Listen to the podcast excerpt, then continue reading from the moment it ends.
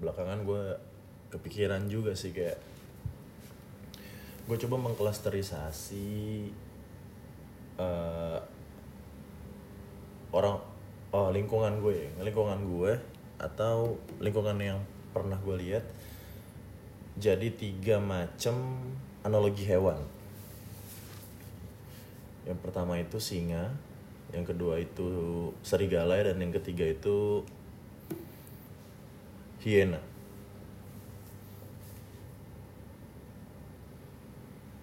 pertama gue sampein dulu latar belakangnya. Jadi ya hmm, beberapa waktu belakang gue pernah melihat ya kondisi di mana tiga macam klasterisasi ini kelihatan banget dan bener-bener mempengaruhi lingkungan yang ada. Intinya itu aja.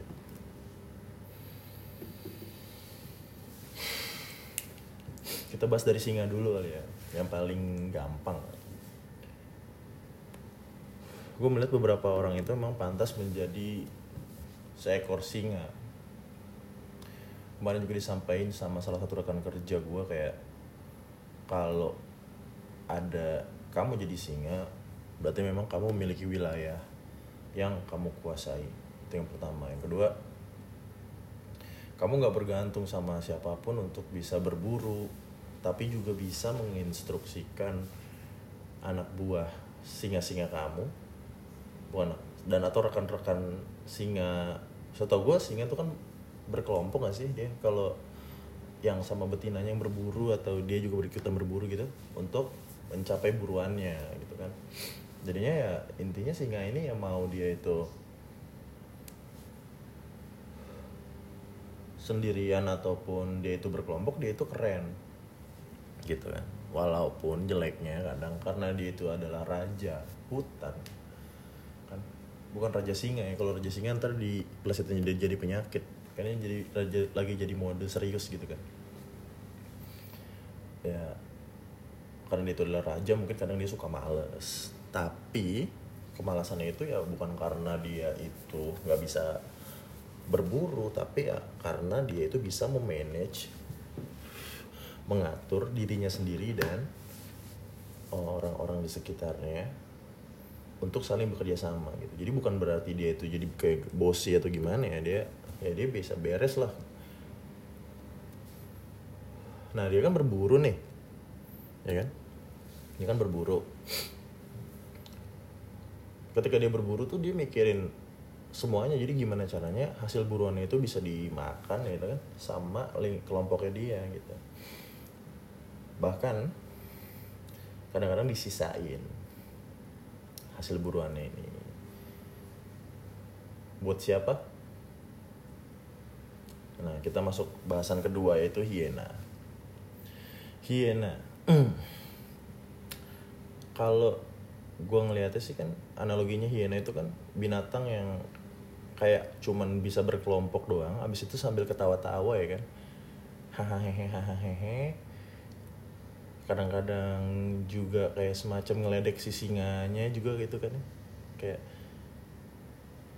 ya cuman bisa bisa dibilang kalau jadi masyarakat ya agak bacot julid gitu. Tapi di belakang soalnya kenapa? Hiena ini tuh nggak pernah berburu gitu kan. Dia nggak pernah berburu sendiri dia tuh cuman makan makanan sisa dari buruan singa. Biasanya gitu harimau singa eh singa lah ya dia udah makan bangkainya bekas singa aja. Itu masih ketawa-tawa. Sama teman-teman hienanya yang lain. Dan itu banyak gitu. Mending kalau dia itu berburu sendiri terus dia ketawa-tawa gitu kan. Sambil menjatuhkan si singa gitu. ya enggak dia ya ya makan bangke gitu kan. Bangke bekas buruan si singa ini.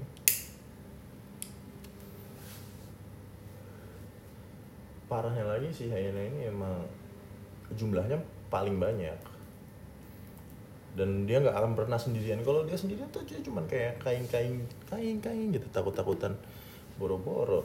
Dia ngelawan buruan ini takut. Tapi kalau mereka bareng-bareng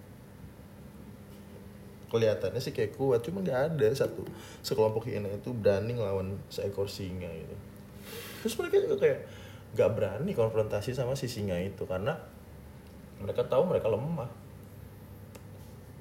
dan mereka tahu nggak bisa ber, mendapatkan buruannya sendiri gitu. nggak kayak nggak kayak si singa gitu terus si singa apa nggak tahu misalnya gitu ada hiena yang yang yang ngetawain gitu. iya tahu cuman karena singa ini emang raja kelompok ini emang kelompok yang perform dan tahu kalau seandainya dia itu nggak berburu dia itu nggak nyari makanan ya kelompoknya bisa mati. Bahkan hina-hina yang kerja- kerjanya cuma makan makanan sisa pun juga mati makan makanan bangke kadang bahkan mungkin si singa ini juga kadang-kadang ngasih makanan yang seger buat si hiena ini. Cuman ya karena si hiena ini nggak tahu terima kasih ya akhirnya ya cuman jadi kayak gitu aja. Dan akhirnya si singa ini ya juga masa bodoh gitu. Tapi bisa dibilang kon- konflik kecil ya nggak bisa dibilang konflik ya. Kalau konflik sih gue ngomongnya kayak harus ada dua kekuatan yang selevel untuk bisa disebut sebagai konflik cuman kalau ini kayak enggak deh. Ini cuman kayak bagi bagi singa ya eh, berisiknya hiena itu cuman angin lalu lah. Di tengah kedua itu ada satunya lagi yaitu serigala. Lone wolf. Anjay lone wolf. Jadi serigala yang lone gitu. Nah ini termasuk keren bisa dibilang ya. Karena dia emang nggak berkelompok. Sendiri aja cukup. Beda sama singa yang mungkin masih masih dia itu ya bisa dibilang berburu berkelompok terkoordinasi kalau serigala yang lone wolf ini ya dia ya dia karena dia jago jadi sendirian aja cukup tapi kan kekurangan lone wolf ini karena dia nggak terbiasa berkelompok ketika ditaruh dalam kelompok dia akan cenderung untuk apa ya mengasingkan diri lah ya.